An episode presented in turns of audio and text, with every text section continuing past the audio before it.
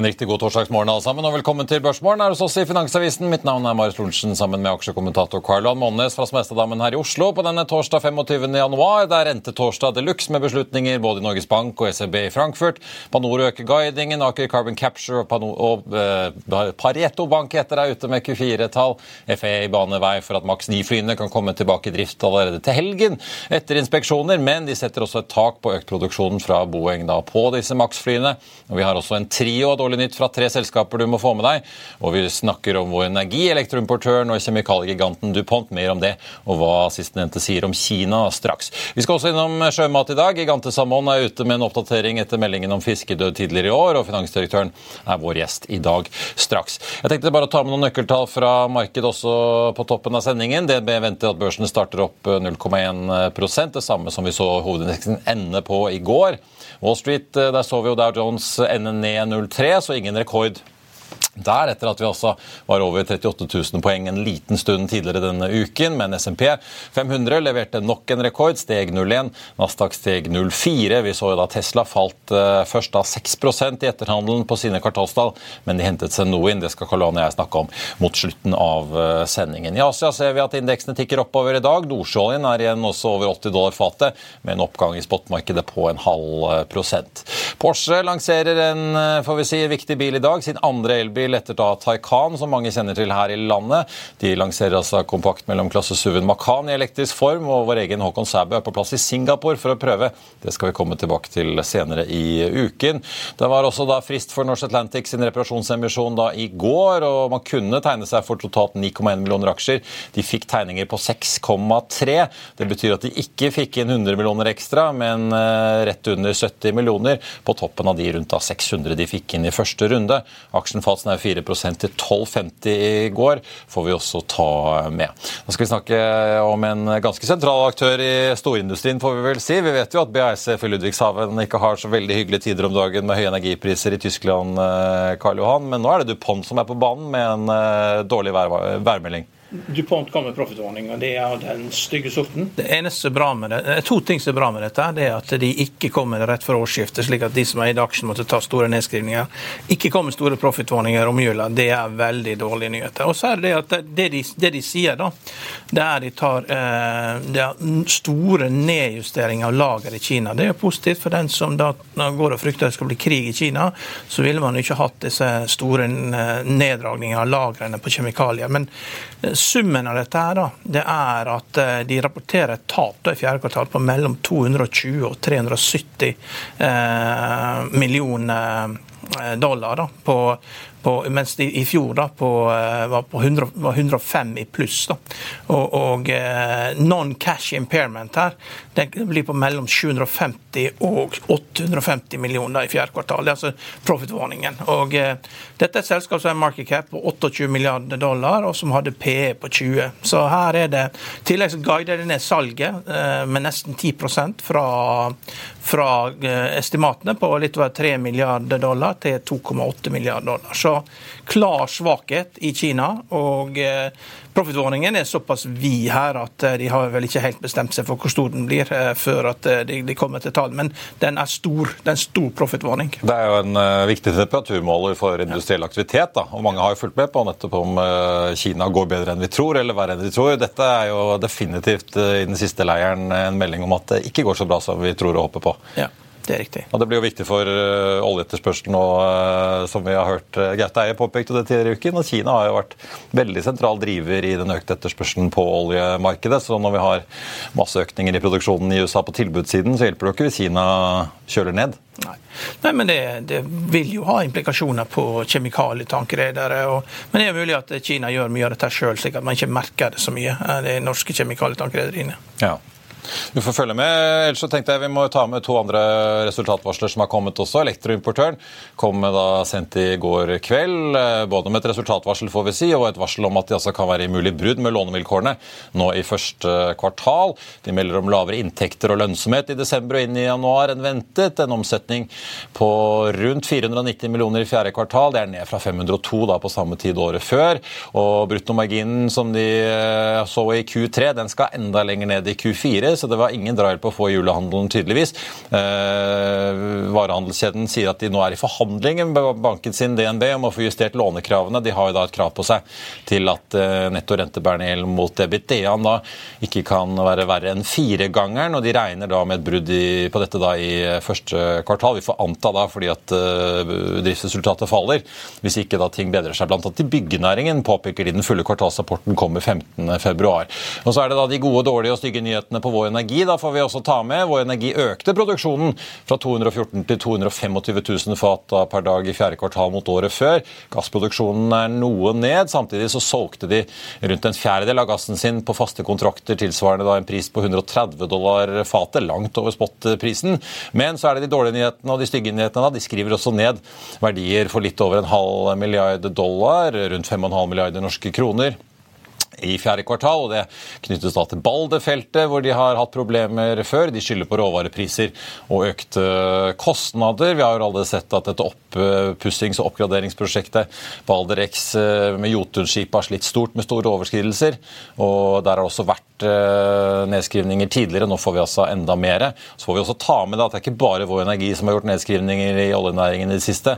Vi har også sett meldinger da fra selskaper som Shell, Chevron og BP. Og så var det selvfølgelig også Okea i romjulen da, med en eh, litt spesiell melding basert på Statfjord-dealen sin. Eh, Karl Johan, en dårlig nyhet fra si, både olje- og varehandelen? Varehandelen er ikke så overraskende, kanskje? Nei, det, det er det ikke. Men, og, og, at det er kostnadsoverskridelser på, på FPSO-prosjektet, det er sånn som alltid. Det, det er alltid. Det er bare spørsmål. Det må bare bli ferdig. Du... nå er det tydeligvis selve feltet, da, så det er vel det at eh, en lavere oljepris enn de kanskje hadde håpet på, og økte kostnader, gjør at det blir ikke så ja, men det er jo en del av. Superprofitt som man hadde håpet på. Ja. Det er jo en del av utbygginga. Så.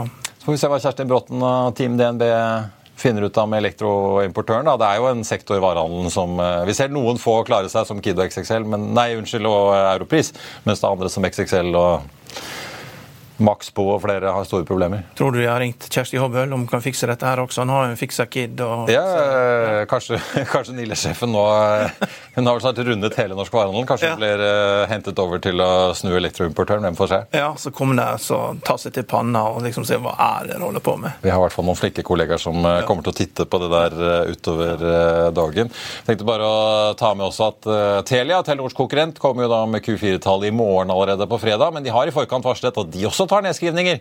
Denne gang på saftige 4,1 milliarder kroner. 2,8 av de kommer fra Finland. 900 kommer fra TV- og mediedivisjonen, og de siste 400 spesifiserer de ikke. og Tapene kommer da grunnet endringer i investeringsplaner, markedsforhold og regulatoriske hendelser, opplyser Telia. Så da kan vi vel si at det er eh, litt opprydning på gang, nå som tidligere Telenor-topp Patrick Hoffbauer er på vei inn som ny konsernsjef fra 1.2. Og så er det Aker Carbon Capture, da. De er ute med kvartalstallene, de også. Ordreboken der i huset har doblet seg på et år da, til 2,6 milliarder eh, kroner for karbonfangstselskapet. Inntektene er mer enn doblet til 573 millioner. EBITDA-en, altså brutto driftsresultat, fortsatt i minus på 40-tallet i millioner kroner. Sammenlignet med da samme periode i fjor ganske flatt. og Det at de fortsatt går med underskudd på driften, det beskriver de selv da, som skyldes at de har eh, store kostnader knyttet til eh, både vekst, alle anbudene de gir på ulike prosjekter, utvikling og også etableringen sin da i det amerikanske markedet, selv om da prosjektene de er i gang med å bygge ut eh, både Twents i Nederland og Brevik her hjemme i Norge, gir positive bidrag inn. Og så blir det tvangsinnløsning av Mintra på fire kroner aksjen. Oslo Børs har nå suspendert aksjen siden budet nå kommer til å ta alle aksjene av eh, bordet, så å si. Softox melder også om at de har fått aksept blant obligasjonseierne i et av lånene sine for å konvertere da et par og 20 millioner kroner i gjeld og renter, og de skal også da ut nå og hente en 25 millioner i frisk egenkapital som et krav i den eh, finansieringsprosessen. Adevinta har også utsatt, eh, eller altså Frierne hos Adevinta får jeg si, har også utsatt fristen på tilbudet som ligger på bordet der, frem til 7.2 klokken 16.30. Det er altså 150 15 kroner aksjen. Oslo Børs eh, åpner opp 0,1 eh, Gigantesammannen som vi skal ta inn straks, ute med en børsmelding, stiger nesten 7 Aker Carmen Capture opp nesten 5 Panoro opp en halv prosent omtrent. Pareto Bank faller 3,5 på sine kvartalstall. Elektroimportøren ser ut til å bli en av dagens store tapere med et fall på nesten 26% Vår Energi så vidt i pluss, mens konkurrenten Aker BP ligger opp snaue prosenten. Equinor opp 1,2, med altså en oljepris som igjen er over 80 dollar fatet. Vi skal snakke sjømat og er tilbake rett etter dette dette. Vil du bli oppdatert på det viktigste som har skjedd innen finans og næringsliv? Da er det bare å følge med, for hver morgen er jeg, Marius Lorentzen og aksjekommentator Karl Johan Malnes på plass i studio for å ta tempen på dagens marked i Børsmorgen. Og hver ettermiddag oppsummerer vi alt du trenger å vite i økonominyhetene, og det blir selvfølgelig masse interessante gjester. Klikk deg inn på fa.no-tv, eller søk opp Børsmorgen og Økonominyhetene der du hører på podkast.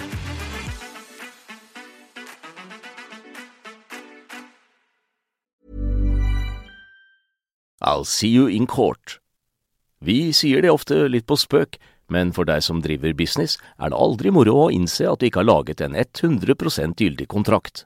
Du bør ikke risikere hele firmaet ditt fordi du synes dette med kontrakter er litt stress. En avtale er ikke en avtale. Du kan miste kunder, miste venner, ja, til og med miste inntekter om du ikke lager en skikkelig kontrakt, på alt mulig, egentlig. Men vi vet det er et styr kopimaskiner, tregprinter og haugevis av papir. Dessuten stoler vi jo på folk her i landet. Det er ofte litt kleint å skulle be om en signatur for alt mulig, ja, for mye av styret handler også om jakten på underskriften. Det finnes en enkel måte å løse dette på, Dukkobit, en trygg, effektiv og get this, gratis måte å sikre seg en god natts søvn pluss en juridisk bindende avtale. Dukkobit-appen har de strengeste sikkerhetskrav i bunn, samt en EU-godkjent og sertifisert teknologi. Framover vil det bli behagelig å spørre du, skal vi skrive under på det, eller? Kom i gang på dukkobit.no. Da skal vi snakke sjømat, og med oss nå på linje har vi Rune Johansen, finansdirektør i Gigante Salmon. Et av selskapene som forsøker å få til oppdrett på en litt ny og finurlig måte. Rune, god morgen og velkommen, og takk for at du er med oss. Morgen til dere i Oslo, eh, Marius. Takk for det. Kanskje vi skal gå rett på, vi skal snakke litt om teknologien og hvordan dette selskapet er satt opp og hva dere prøver på. Men jeg tenkte kanskje aller først å ta meldingen dere kom med nå i morges. For dere har jo meldt at dere nå er i gang med produksjonen tidligere i år, og meldte også om en god del fiskedød. Nå har dere kommet med en oppdatering hvor dere sier at uh, av de 640 000 småtene som er satt ut, uh, så er det registrert ca. 20 000 uh, døde. Kan du si litt om hva dere har meldt til markedet i dag? Ja, vi har jo et uh, første landbaserte anlegg under uh, utførelse. Og nå fra søndagen som var, så gikk vi også over i en driftsfase. Vi har da satt ut 640 000 smolt. Vi hadde én levering på søndag, 340 000, som uh, gikk veldig bra. Fisken fant seg godt til rette. Og så hadde vi andre levering på 300 000 um, sent mandag kveld, hvor vi da registrerte en del dødelighet. Og så er vi ute med kvartalsoppdatering på tirsdag morgen. Og Da var det naturlig at vi også meldte om at det var litt uavklart hvor stor den dødeligheten var. Og Så har vi jo nå da fått eh, samla opp den eh, dødfisken, gjort eh, telling, og det er ca. 20 000 da som er, er, var døde i den andre leveransen. Så samla så var det 3% men det er klart vi hadde da ca. 6% dødelighet i den andre batchen isolert sett. Men dette skjedde skjedd under transport, eller er det ja, nå har vi jo eh, fiskehelsetjenesten på saken for å finne, finne årsak. Um, så litt for tidlig å spekulere om det skyldes smolt eh, i seg selv, eller transport eller håndtering. Men i hvert fall ingen indikasjoner på at det er noe i anlegget. Så fisken var, var død ved levering. Den fisken som står i anlegget nå, han står utrolig fint. Nå har vi jo bare fire-fem dager med driftserfaring å vise til. men det er i hvert fall hyggelig de dagene å si at fisken står fint imot strømmen og begynte å spise, og, og det ser veldig bra ut. Ja, vi, får, tenker, vi, skal komme til det, for vi får jo håpe dere lykkes. Men bare for å ta det, er det sånn at dere nå får erstattet denne smolten av uh, leverandøren, eller må dere ta regningen selv, eller har dere noe klarhet i det? Nei, Det vil jo avhenge av hva som er årsaken for disse 20 000. Da. Så det skal jeg være litt forsiktig med, med å spekulere i før vi har helt eh, klarlagt den endelige årsaken da, med fiskehelsetjenesten. Og da kommer det kanskje en oppdatering i kvartalsrapporten, eller, noe, eller når dere vet mer om det, da? Ja. ja. Men Hva er det som er normal dødelighet i denne fasen? da? Det kan jo ikke være null som er normal dødelighet? Nei, og det er klart det er forventa, særlig når du har utsatt eh, nå på, på, vinter, for det er en større belastning for fisk. Vi er jo også fire måneder forsinka, hadde jo opprinnelig planlagt utsette i, i høst. Eh, så klart noe dødelighet er, er forventa. Og, og, egentlig en sånn eh, total på, på 3 er ikke, som vi hadde i begge leveransene, er ikke, nok ikke uvanlig på denne tida av året, men klart 6% i andre leveranse isolert sett er det altfor mye. Vi må høre litt om hva, dere satser på. Da. Vi har jo hatt besøk her tidligere av Salmon Evolution, og mange følger med på Atlantic Sapphire. og Det er jo en del aktører som prøver på litt ulike løsninger her. Nå har dere jo styrket kassen med en drøye 300 millioner, hvorav 200 eh, vel var frisk egenkapital fra investorer. Så fortell litt, hva er, det, hva er det de har satt pengene sine i? Hvordan er det ja. oppsettet dere fungerer sånn rent uh, praktisk? Vi har jo sett uh, bilder av holdt jeg på å si, hvordan anlegget er bygget. Ja, så vi har jo... Um første anlegget nå under utførelse i, i Rødøy kommune på Helgelandskysten. Og vi, Innenfor landbasert oppdrett så har du jo to hovedkategorier av teknologi. Det ene er jo resirkulering av vann, eh, altså ras, ofte omtalt. Og det andre ytterpunktet er jo 100% gjennomstrømming. Så har du noen sånne hybridvarianter imellom, bl.a. Selmen Evolution. Og Vi bygger jo da et 100% gjennomstrømmingsanlegg. Så vil jeg si at det er ingen gjenbruk av vann. Eh, og så gjør det at du er avhengig av en kystnær eh, lokasjon. Og Det er jo rett og slett for at eh, den teknologien er jo det som er mest likt tradisjonell sjøbasert oppdrett, og som vi vet fungerer. Selskapet er jo gründa og majoritetseid av Gigante Havbruk, som er et familieeid oppdrettsselskap som har drevet med tradisjonell sjøbasert oppdrett siden 1988. Så det er jo den kunnskapen som vi nå har tatt med oss når vi flytter oss på land. Så bruker du det du vet fungerer, Samtidig som at man klarer å eliminere de tre hovedutfordringene som du ser på åpen oppdrett i sjø i dag. Og Det gjelder da utfordringer med lakselus, eh, rømming og også oppsamling av, eh, av slam. Ja, for jeg tenker da, da får dere pumpet sjøvannet rett inn. Jeg antar dere må jo bli kvitt eventuelt lus som slipper inn på vei inn. Og så må du jo sile fiskedritten på vei ut igjen, så det ikke går ut i havet, da, litt enkelt sagt. Ja, det er rett. Og det er klart, Lakselusa hun ligger i såkalte lusebelte helt oppe i vannflata. Så når du kan ha vanninntak på 20 meter, så, så ligger du under det som er lusebeltet, lusebelte, som gjør at du ikke får luseproblematikk i anlegget. Og så er jo anlegget lukka. så Vi, vi, eh, har et rensekrav på minimum 50% Vi får jo samla opp eh, slammet. I all hovedsak er jo det avfall, altså avføring fra fisken og eventuelt litt eh, hvis det er fòrspill. Det samler du opp og kan tørke og, og, gjenbruke, for det er jo næringsrik eh, avfall. Og så har du jo da du har jo et lukka anlegg og doble barrierer, sånn at du, eh, du unngår det med, eh, med, potensiell fare for rømming. Så det er jo de tre utfordringene i, i, i åpen sjø da, i dag. Er dette helt likt det som for Fjordsalmen gjør? Det er, det er, veldig sammenlignbart, ja. For de har òg 100% gjennomstrømming. Og så er kanskje den største forskjellen at de har et firkantig kar, mens vi har et avlange, avlange lengdestrømskar. Så vi har eh, tre basseng med totalt ti avlange lengdestrømskar. og De er eh, pluss-minus 200 meter lang og 15 meter brei. Så det er som en veldig lang bilbane der fisken kan svømme rundt. Og så har vi eh, stor vannhastighet. Så vi har eh, ca. 50 cm eh, vannhastighet i, i sekundet. Og det er òg for at vi har den erfaringa fra de sjølokalitetene med mye strøm der fisken står imot uh, sterk strøm. Han blir veldig godt kondisjonert. Vi får de beste økonomiske fòrfaktoren og beste fiskehelse. Hvis dette, eller når dette anlegget går for full maskin, hva regner dere med at produksjonskostnaden er per kilo laks eh, på denne teknologien? Så Med de måte, markedsmessige forutsetningene vi har i dag, vi da skalerer opp til, til, full produksjon og kommer opp mot 16 eh, 000 tonn sløydvekt i året, så er vi nede på 42 eh, kroner i, i produksjonskostnad. Men jeg antar da dere også kan lene dere på betydelig mindre nedside med sykdom og dødsfall og den type ting, da, gitt at dere får kontroll på prosessen her?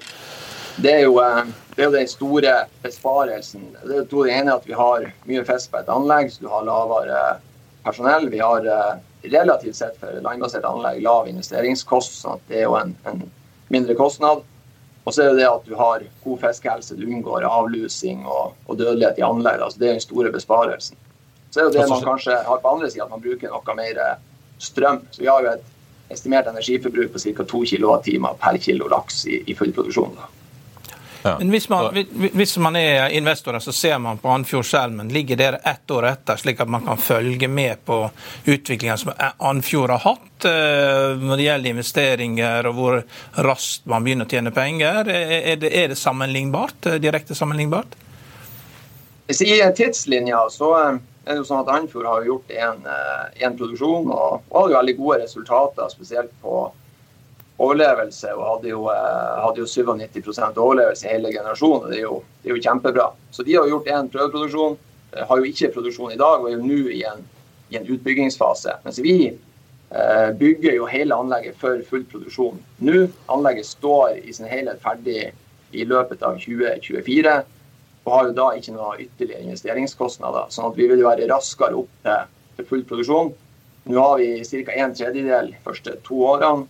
Får oss driftserfaring, ser at dette fungerer, og så skalerer vi opp.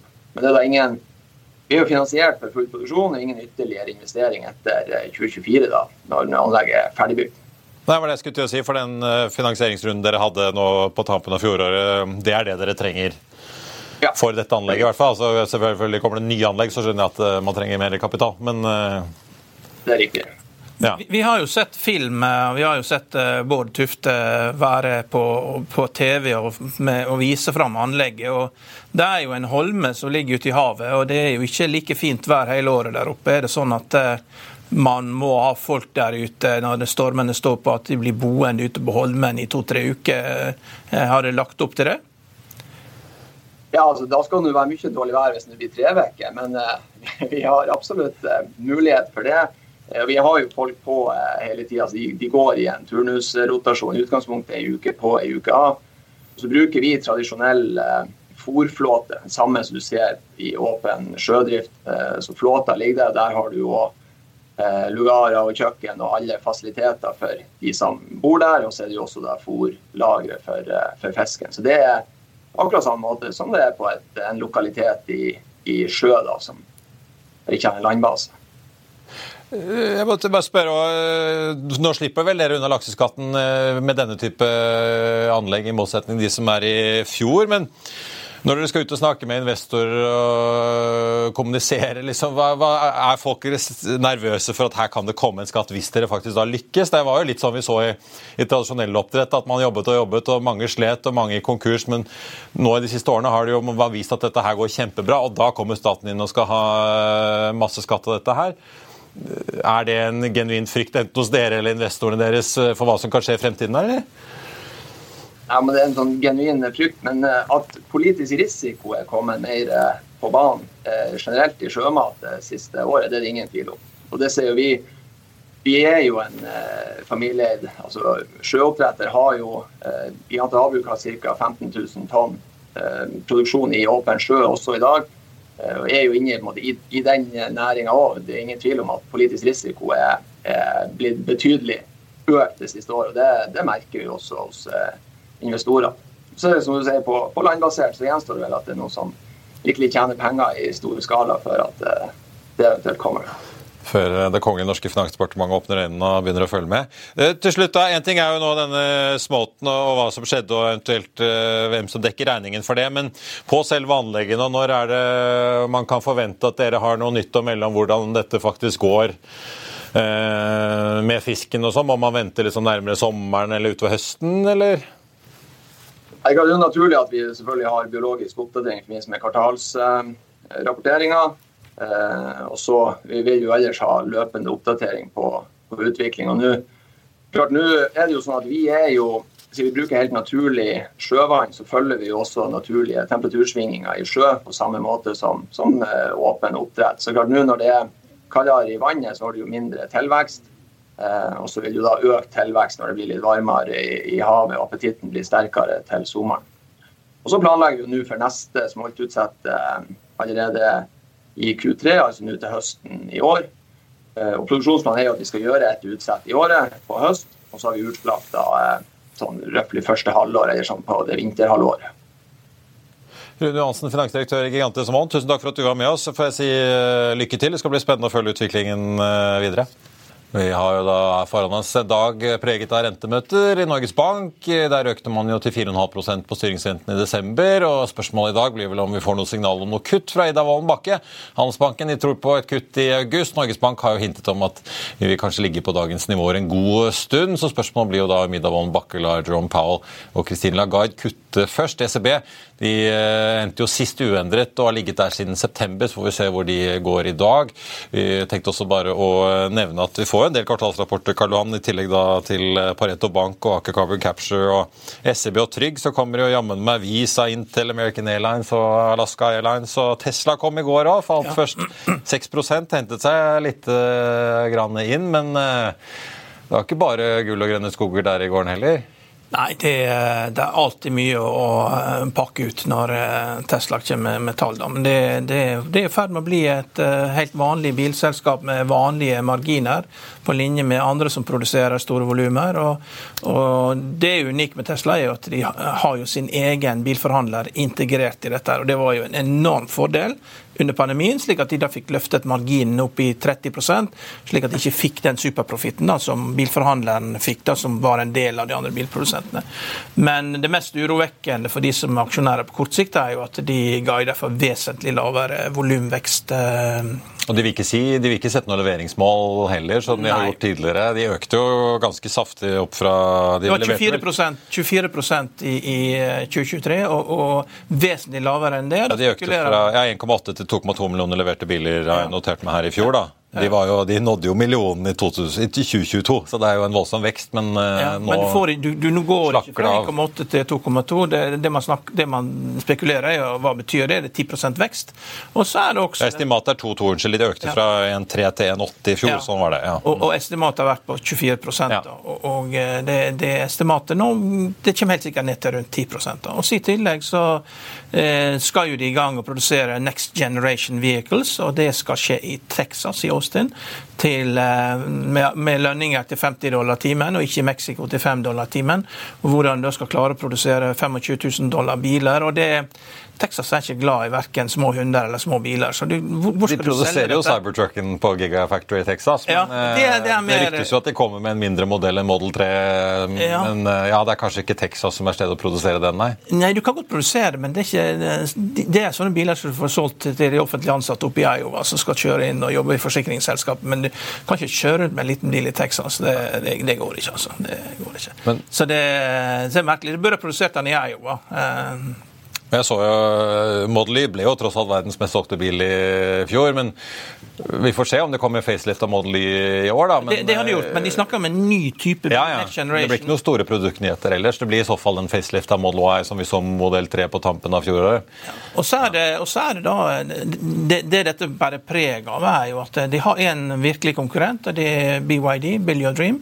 Og de jo, er i ferd med å gå forbi de i volumer. Og de kommer jo fra batterisida. Det var jo et batteriselskap som har blitt et bilselskap. og eh, det er 25% importtoll på BYD inn til USA. Og Det er samme som de gjorde med, med, med trucks. ikke sant? 40 eh, på toll på trucks. Så Da beskytter de det markedet. Så Det amerikanske markedet er ikke de redd for. Så Det er en defensiv strategi å produsere en uh, liten elektrisk bil i USA, for de vet at det, der får ikke konkurranse. Mens i Europa så er det full konkurranse med BYD og, og, og Elon Musk sier jo det på conference callen, at eh, kineserne er fantastisk gode. BYD er fantastisk gode.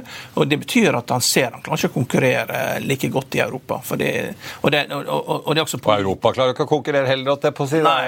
Vi ser jo altså, Volvo det er jo for så vidt svensk, men det er jo kinesiske eiere, og mye produseres i Kina. Og Polestar og Han hinter vel litt sånn frampå om at hvis ikke du innfører importtoll, så tar Kina over markedet globalt. altså, ja. der, der, vi ikke har importtoll, for det er så mye bedre. Vi ser hva som har skjedd på Sol. Ja, ja, men det der har jo de Det er jo det desiderte Europeisk oljeindustri er knust av de billigpanelene ja. fra Kina. Ja. Det er klart, Når du har ubegrensa med kull, så du kan bruke det er enormt energiintensivt å lage den polysilisiumen. Så, nei, så det, det er, dette er en aksje som eh, men, og, så tar de i bruk triks. da, ikke sant? Du har eh, to milliard dollar i resultat før skatt, og så foretar du en sånn Enron-like, sånn nåverdijustering av framtidige skatter, så inntektsfører da positivt på 6 milliard dollar på skatter istedenfor å trekke opp skatt, så du ender opp med et resultat på nesten 8 milliard dollar. Da. Og når du får spørsmål på det på callen i går kveld slash i natt, så slutter, så slutter conference callen når du får det spørsmålet. Det, det, det er ikke bra, altså. Det er ikke bra. Så uh, dette her må man handle Dette er en kultaksje, det har alltid vært. Så man må handle det teknisk. Og, og, hvis den ikke slutter over 208 dollar på slutten av uken, så er neste bunn som må holde, det er liksom de lave nivåene. Så jeg tror vi skal få Stein Ove Haugen til å lage en teknisk analyse på Ikke dumt. Eh, For det er det som styrer dette på kort sikt, for det er så mye følelser. Og, og eh, du har også oppi dette her, så har jo Elon Musk som sier at eh, ja, hvis ikke jeg får 25% av stemmene, så, så gidder jeg ikke å gjøre dette. For du har sånne organisasjoner som ISS da, som kan komme inn, og, og Han kalte jo de ISIS da, på Kollen i tillegg. Da. Så det er jo, Han sparer jo ikke på kruttet. da. Så, så det, han vil jo da på et eller annet tidspunkt helt sikkert prøve å få 25% igjen av Tesla da, og, av stemmene, uten at han skal betale for det. sikkert. Og så kommer vi tilbake til det som skjedde da når Morgan Stanley kom med dette med Dojo-computeren, som liksom var verdt 500 milliard dollar alene. Vi skrev jo om det at dette var jo bare tull, at det, det er jo bare økonomer som vokser opp i, i, i byer som tror det at det, noe er kult fordi at du knocker ut strømnettet når du tester en maskin. Det er ikke positivt. Da er du litt kørka, altså. Og, og, og, Dojo, det, på spørsmålet på Kål, da, man tror Dojo er long shot. Dojo er long shot. Så det gjorde Morgan Stanley, kun for at de var redd for at eh, De hadde sikkert et scheme på å tjene inn penger på opsjoner eller et eller annet, som gjorde at Elon Musk kunne betale regning, uh, renter og avdrag på et Twitter-lån som de hadde, da, til å få innbetalt det da, til Morgan Stanley, så de ble kvitt det. For du, altså, det er, Hva skal jeg si, det er Tesla har blitt verdens største trading-sardinboks. Altså, det blir brukt for trading. Ja. Det, er mye, det er viktigere hva du kan bruke den som trading. Det er litt som krypto. at du, eh, Det er gøy å trade, men det, det er egentlig et bilselskap som er på vei til å tjene 1-2 dollar. Og, og modne bilselskaper, når dette sementerer, så er det P5, og da er kursen 5 dollar til 10 dollar per aksje. Det har ikke gått så bra med disse bitcoin-ETF-ene etter at de kom? Nei da. Eller bitcoin-kursen for øvrig heller. Nei, men det er ikke fair, for det var jo klart pumpa. Ja. Det var jo pumpa. Det, man... Men det er jo interessant å se på, hvis man ser på hva de gjør, da, ikke bare hva de sier. Tesla har nå kuttet prisene både på starten av fjoråret, de gjorde det nå i år igjen. Men det måtte de. Var pga. pandemien. pandemien. Men du, du, hadde kunstig høye priser under pandemien, så det er jo De ga jo den en gigantisk mulighet til å nå målet de hadde om å få 30% bruttomargin. Og det er klart det, Når du ser på luksusbiler, da, 50% bruttomargin, du vet halve prisen på en bil, en skikkelig dyr bil, det er margin. Apropos Porsche. Ja, Kjøper en sånn Macan, så er det, ja, Eller vet ikke marginen på Macan, eller kan være litt lavere på aldri, bil, aldri Porsche, det er vel halvparten rett i fòret. Aldri undervurdere lykken i å kjøpe noe altfor dyrt, Marius. Det er det som driver dette. Og så når de klarte 30 marginer, så, så, er det fantastisk. Men, men du, du, klarer ikke det på volumet. Når du går nedover, da, så, så Harley Davidson hadde vel 36 marginer. Vi sa, vi sa vel det at hvis du har et merke der, der folk er villige til å tatovere merket på kroppen så det, det, er så sterkt at du er villig til å betale ekstra for det. Harley også, ikke sant? 20 dyrere enn hva det burde ha vært. da, i forhold til hva det, Men det, det er kult. Og, og Tesla-folk tatoverer det. Men nå, nå, nå, nå, kjører de ut så mye biler. Konkurransen fra Kina er så hard at du detter ned på bruttomarginene der som Toyota og Volkswagen og alle disse andre der. Og, men, men det gode nyheten er jo at det, eh, det blir, elektriske biler er i ferd med å bli en nisje, og det ser ut til å bli dominert av Tesla og BYD, og de, alle de andre sliter. Ja. Så der er det helt fullt mulig å tjene godt med penger på dette, her, men uh, man må slutte med alt dette tullet rundt. da, fordi, Men det, det, det ser ut til å aldri ta slutt. Vi ser jo vi ser hva de, mange av de andre produsentene gjør. De, de selger bra med hybrider òg. Og så er det klart at det, det, har alltid vært dette her, kunstig intelligens og selvkjørende biler, og selvkjørende taxier. Men vi har ja, nå er det AI. Det, jeg, ja, jeg trakk litt på smilebåndet, for jeg har hørt ja. nå Elon Musk snakke i årevis om ja. at dette selvkjøringsgreiene dette er bare rett rundt svingen og kommer omtrent neste år. Og, men det er mange år siden han sa det. Og nå det, merker jeg meg at det er AI som skal gjøre programmeringen av um, fully self-driving. Nå er det vel på versjon 12, syns jeg de skrev i kvartalsrapporten. Um, men nå er det AI som som skal gjøre programmeringen av selvkjøring lettere. da. Ja, og du ser det viser bare at den der siste Det er relativt enkelt å få dette her til å kjøre alene på en tørr, fin sommervei på en motorvei med atskilte felt i kjøreretninger og alt mulig sånn. Men uh, når du skal inn i byer og med kryssende trafikk og trafikantgrupper og sånn, da den der siste marginale programmeringen der, den er ekstremt krevende. Ja, Du så GM, de stengte jo ned cruiseseksjonen, cruise selvkjørende taxi. Gå på YouTube, du kan se rundt San Francisco, disse drosjene står bare og tuter, og ingen vet hvor de skal kjøre, og disse radarene begynner, bare blinker rødt. Da. Når du begynner å drepe folk, da, da, går, da er det slutt, ikke sant? Så det var det, det som skjedde også. Så nei, Det er ikke så lett, det der, men det, det, det, det enkle med liksom å holde seg på landeveien, det klarer de. da. Der det, der det er feltinndeling. da. Ja, vi får se. Alaska Airlines i hvert fall med kvartalsrapport eh, nå før åpning, så får vi se hva de skriver om Max-flyene. Ja, jo det sånn Sjefen var sur, så jeg på NBC et intervju her i Federal Aviation Administration har jo nå stoppa Boeing fra å skalere opp produksjonen. Altså det betyr at de får ikke lov å øke fra 38 til 50 fly per måned. Og dette her er jo cash count til Boeing. Og Calhoun, eh, konsernsjefen, var vel i Washington i går. og Han skal tilbake på nye høringer, han Boeing-sjefen. ja. Så det er eh, eh, det, Jeg tror det er det man må hva er man sier når man skal gjøre rengjøring? Man begynner øverst og vasker øverst i trappa. Så jeg tror det du må inn med en ny generasjon med ledere. altså. Og du må inn med Palantir, du må inn med så unge, det, er datastyrt, det må være folk som Du, du kan ikke gå rundt når, når, en dør faller ut uh, av et fly, du kan ikke gå rundt og, og, og etterpå og, og, lure på hva som har skjedd. Det, det må være dokumentert. Det, og det gjør man jo. Det gjør jo flymekanikere, det gjør jo, uh, det gjør jo helikoptermekanikere. Men, men idet du setter sammen flyet, så er det, virker det som at det er ikke skikkelig prosesser. Altså. Det ikke, og det er ikke dokumentert. Og det er ikke godt nok. Nei. Det holder ikke. Det reiser jo en del interessante spørsmål nå for hele den.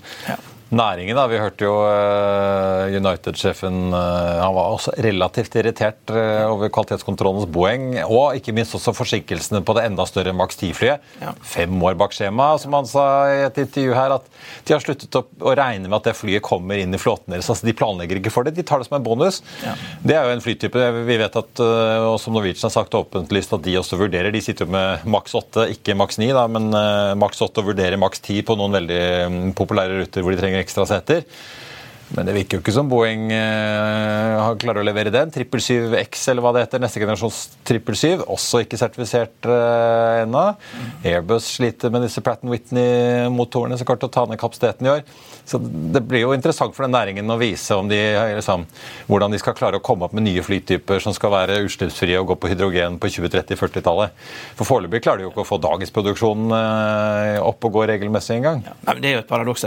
Kunnskapen, ligger, kunnskapen ligger jo der. Etterspørsel i bunnen, ikke sant? Kunnskapen ligger jo der. fordi at hvert femte år fly, disse så, så skrur man jo fra hverandre hele flyet. Og, og, Det er sikkert over én million flymekanikere i USA. og Man skrur fra hverandre hele flyet og setter det sammen igjen. Altså, eh, når du bygger en Lego og tar den fra hverandre og setter den sammen igjen. Altså, det, det, er jo enkelt å sette den sammen, men det å liksom ta den fra hverandre og sette den sammen igjen, det er vanskelig med Lego. Men flyet er det motsatt.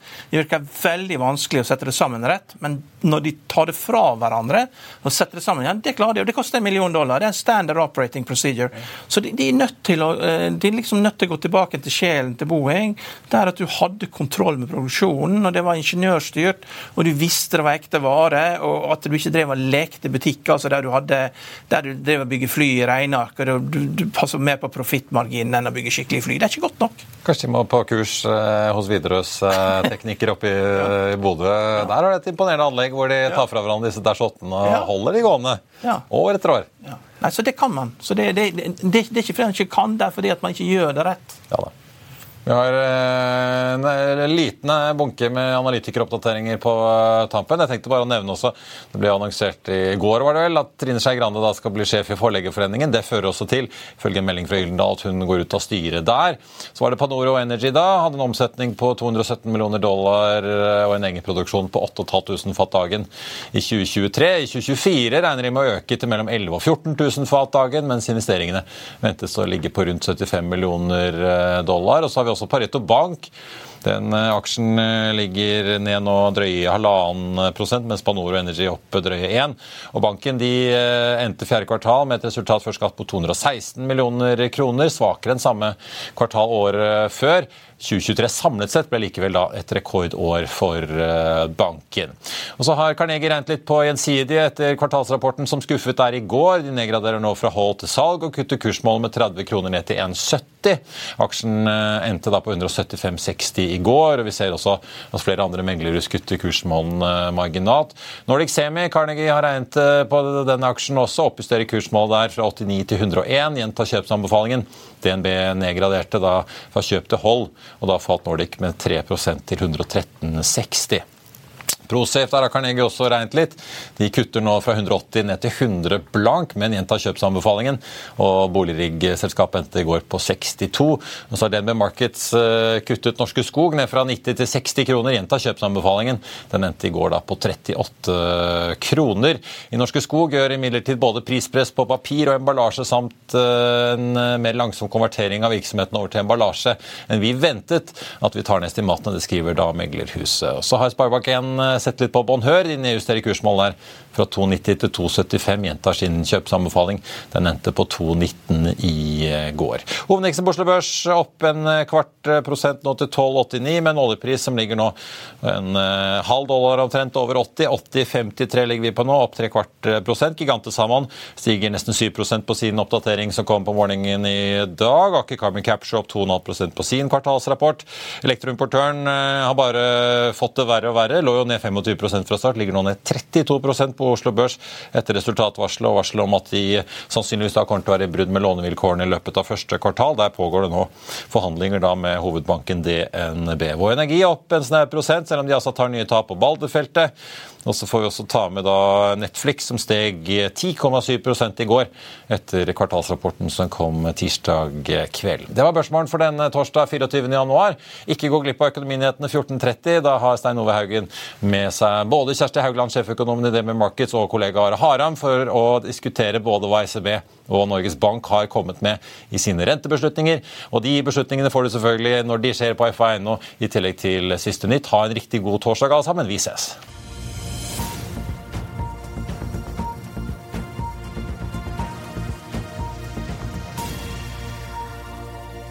Økonominyhetene er en podkast fra Finansavisen. Programledere er Marius Lorentzen, Stein Ove Haugen og Benedikte Storm Bamvik. Produsenter er Lars Brenden Skram og Bashar Johar. Og ansvarlig redaktør er Trygve Hegnar.